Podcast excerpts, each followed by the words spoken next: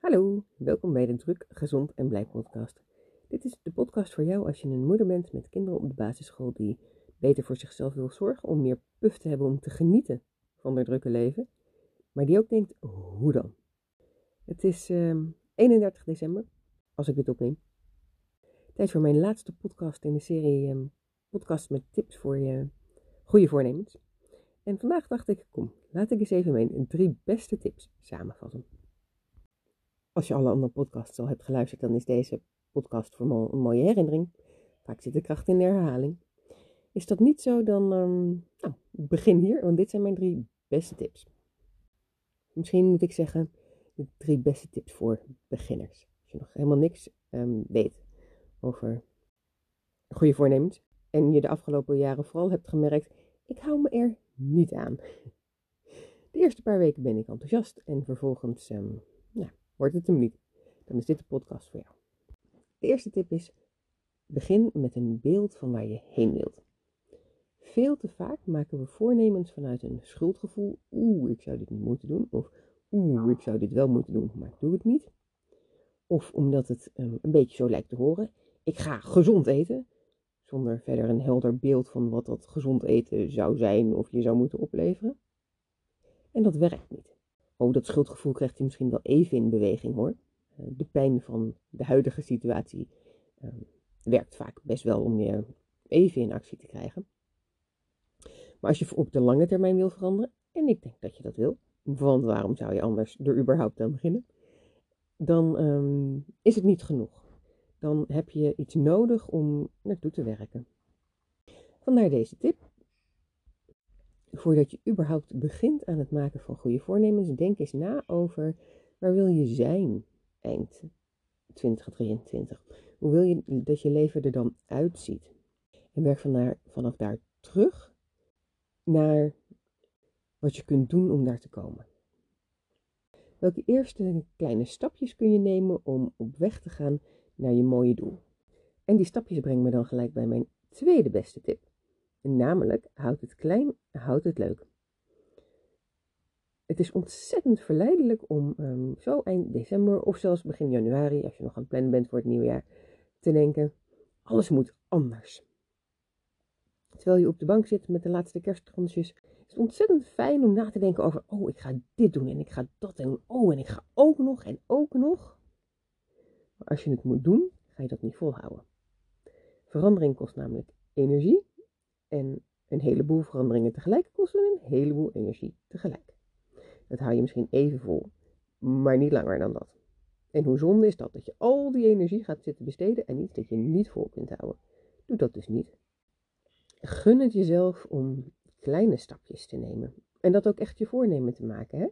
Bijvoorbeeld, ik ga op dinsdag en donderdag groenten meenemen naar mijn werk, zodat ik bij de lunch groente kan eten. Dat kan je voornemen zijn. En je doel kan dan wel zijn dat je volledig veganistisch en macrobiotisch wil eten, omdat je ehm, daar meer energie van krijgt om te genieten van je leven of zo. Oké, een beetje een erg overtrokken doel. Ehm, maar ik hoop dat je mijn punt snapt. Maar het eerste kleine stapje dat je neemt, is worteltjes in je staf stoppen op dinsdag en donderdag. En dat mag je goede voornemen zijn. En mocht je nou denken, ja, maar dat zet geen zoden aan de dijk. Dat geeft niet, want het hoeft niet te blijven bij die eerste kleine stapjes. Nadat het een gewoonte is geworden om op dinsdag en donderdag groenten in je tas te stoppen, en ehm, je weet dat je dat kan, het geen logistiek probleem meer is, uh, je weet dat je de tijd vindt om het op te eten, nou, dan kan je er stapjes bij doen. En zo bouw je de, nieuwe gewoonte op. En dat is goud, want gewoontes kosten niet heel veel energie. Gewoontes zijn de manier van je brein om dingen makkelijker te maken voor jou. Dus daar wil je heen. En daar kom je met kleine stapjes. Houd het klein, houd het leuk. Uh, om dat te kunnen, om uh, te kunnen opbouwen met kleine stapjes, uh, is het natuurlijk ook belangrijk dat je um, in de gaten houdt wat je aan het doen bent met je stapjes. Dus dat is mijn derde beste tip voor je goede voornemens. Houd jezelf in de gaten. Wat ik bedoel is dat elke keer dat je je houdt aan je goede voornemen, of dat je je niet houdt aan je goede voornemen, maar dat wel van plan was, er een moment was dat er dat het had gekund, mag je dat vastleggen. Op een of andere manier. Bijvoorbeeld in een app.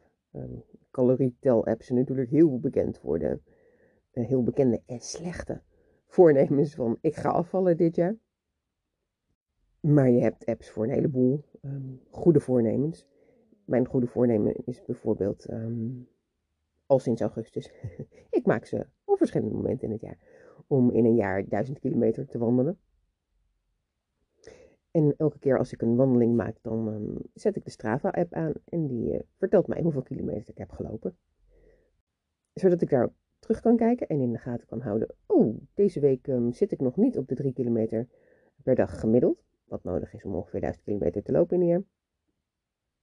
Dus ik moet nog even wat uh, extra tijd uh, inplannen voor wandelen. maar ook, oeh, ik heb weer 6 kilometer gelopen. Woehoe, wat ben ik cool. En dat zijn gelijk de twee dingen die jij ook wilt van jezelf in de gaten houden. Geef jezelf uh, de mogelijkheid om je successen te vieren, doordat je ze opmerkt, doordat je ze vastlegt. En geef jezelf de kans om te leren van de uh, momenten waarop je het niet doet. Wanneer doe je het niet? Wat maakt dat je het niet doet? En um, nou, dat kan je uh, een beetje zo op het moment zelf in de gaten houden, zoals ik doe met mijn Strava-app. Maar voor sommige goede voornemens werkt het beter om um, één keer per week of zo terug te kijken op wat je die week hebt gedaan aan je goede voornemens en wat niet. En um, hoe je je plan dus aan mag passen om de kans de volgende week groter te maken dat je je wel gaat houden aan je goede voornemens. Als je deze drie tips toepast, dan denk ik dat jouw goede voornemens heel veel beter gaan worden dan ze ooit zijn geweest. Wil je nog meer tips en concrete opdrachten uh, om je te helpen om die tips te gebruiken voor je goede voornemens? Zodat je goede voornemens zo goed worden dat je al op 2 januari weet, dit gaat een fantastisch jaar worden. Dat je dit jaar wel um, de dingen gaat doen waardoor je energie krijgt om te genieten van je drukke leven. Dan heb ik een leuke training voor je. Mijn beste goede voornemen ooit. Waarin ik je dus nog veel meer tips geef en je help om die tips te gebruiken. Je vindt meer informatie over de training op www.lekkerplan.nl slash blij-in-2023. Gun jezelf zo'n goede voornemens. Ik wens je een heel mooi 2023.